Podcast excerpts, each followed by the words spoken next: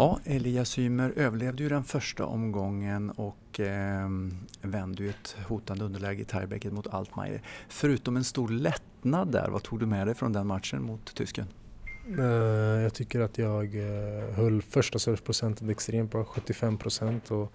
jag spelade på mitt sätt. Att eh, jag måste spela så att villkoren blir på mina sätt. Om du förlorar då så är det okej. Okay. Men om du spelar på ditt sätt då, då har du gjort ditt. Och det tyckte jag verkligen gjorde idag. Jag sökte min forehand konstant efter serven så det var en bra taktik.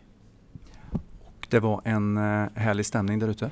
Absolut, Båstad. Jag var, jag var lite chockad över att det var så mycket folk måndag klockan ett och du vet det är semestertider nu. Det har varit tuffa tider med coronan och jag är bara glad att det var så mycket folk.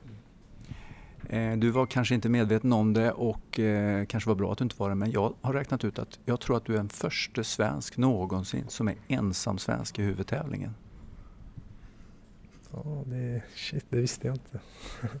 men ja, alltså jag sa det. det jag har ändå spelat alltså, tio år nu här och det är ändå en långvarig... Det är, alltså, det det är tio år, du vet. Det betyder att jag har gjort någonting bra under... Alltså visst, man får säga vad man vill, allting är relativt men Alltså det är ändå ett stabilt, stabil spelare var år efter år och presterar, presterar, presterar. Så, Men det är ingen extra press? Nej, nu i år som jag sa, jag sa det, jag jag sa det flera gånger innan att i år, nu när jag gick in här i år, det var inte den här, alltså, vet, jag hör sommartider och det var mer cool. Det var inte den här ständiga, åh oh, shit nu är det Båstad, nu är det jag. Det var mer att okej, okay, jag har spelat på touren. Det var, du vet, alltid när du spelar på touren så är det lite annorlunda med näten, domare och allting. Men det var som att, okej, okay, let's go bara i år.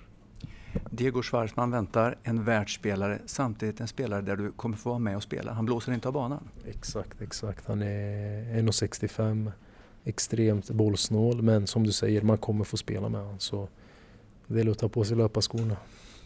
Du, under de här dagarna som har varit och fram till Diego Schwartzman-matchen, har du kunna träna extra på något speciellt för att lägga upp en sån match? Mm, jag har faktiskt eh, jobbat extremt mycket med min forehand. Mm. Och eh, nu jag har jag haft lite problem med armbågen innan. Jag, gjorde, jag har ju haft operationer. Och, men nu är den äntligen i fas. Nu tycker jag jag kan ha full utsträckning. Så jag hoppas det syntes idag att min forehand eh, verkligen var där. Jag har haft lite problem här i Båstad alltid med att få bort bollen men Idag funkade taktiken bra, serve och forehand, så det ska jag verkligen fortsätta med.